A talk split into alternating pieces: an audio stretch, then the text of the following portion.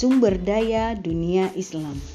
Banyak pertanyaan-pertanyaan yang kadang hinggap di benak kaum muslim bila melihat peta dunia saat ini.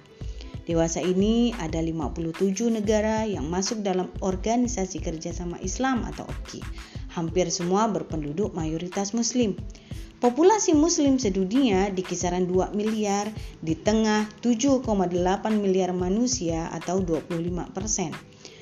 Produk domestik bruto atau PDB pada kisaran 22,2 triliun US dollar atau sekitar 17,48 persen dunia dengan 8,7 juta rupiah per orang per bulan. Luas wilayah 57 negara OKI ini bersama-sama adalah 32 juta kilometer persegi dengan kepadatan penduduk rata-ratanya adalah 38 orang per kilometer persegi. Dengan berbagai cara, kekuatan ekonomi dunia Islam telah berkali-kali dicoba untuk dipersatukan namun gagal.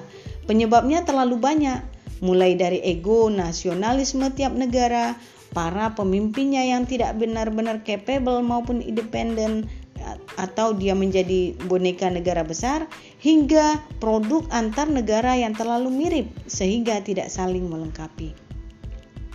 Tanpa suatu perubahan yang fundamental dalam cara berpikir di dunia Islam, yaitu cara berpikir tentang visi dan misi negeri mereka di dunia, rasanya sulit akan ada sinergi dari penyatuan ekonomi dunia Islam.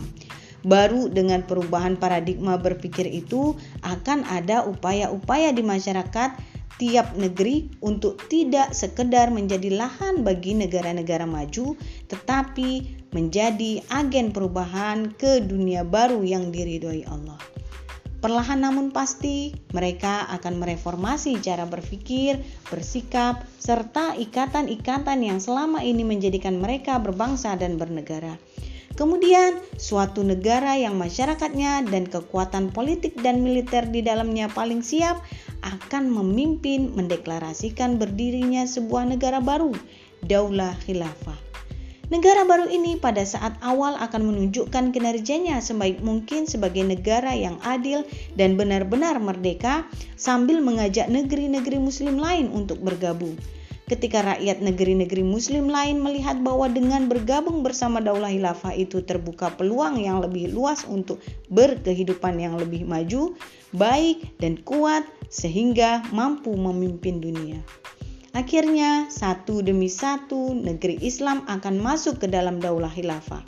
Kekuatan dunia Islam yang bersatu di bawah Daulah Hilafah akan menjadi realitas Bahkan akan lebih besar lagi jika sistem Islam telah mengoptimasi pengaturan seluruh potensi sumber daya alam maupun manusia di dalamnya, serta muslim-muslim terbaik yang selama ini berada di negeri-negara maju berbondong-bondong pulang untuk membaktikan dirinya demi kemuliaan Islam dan kaum muslim. Wallahu a'lam.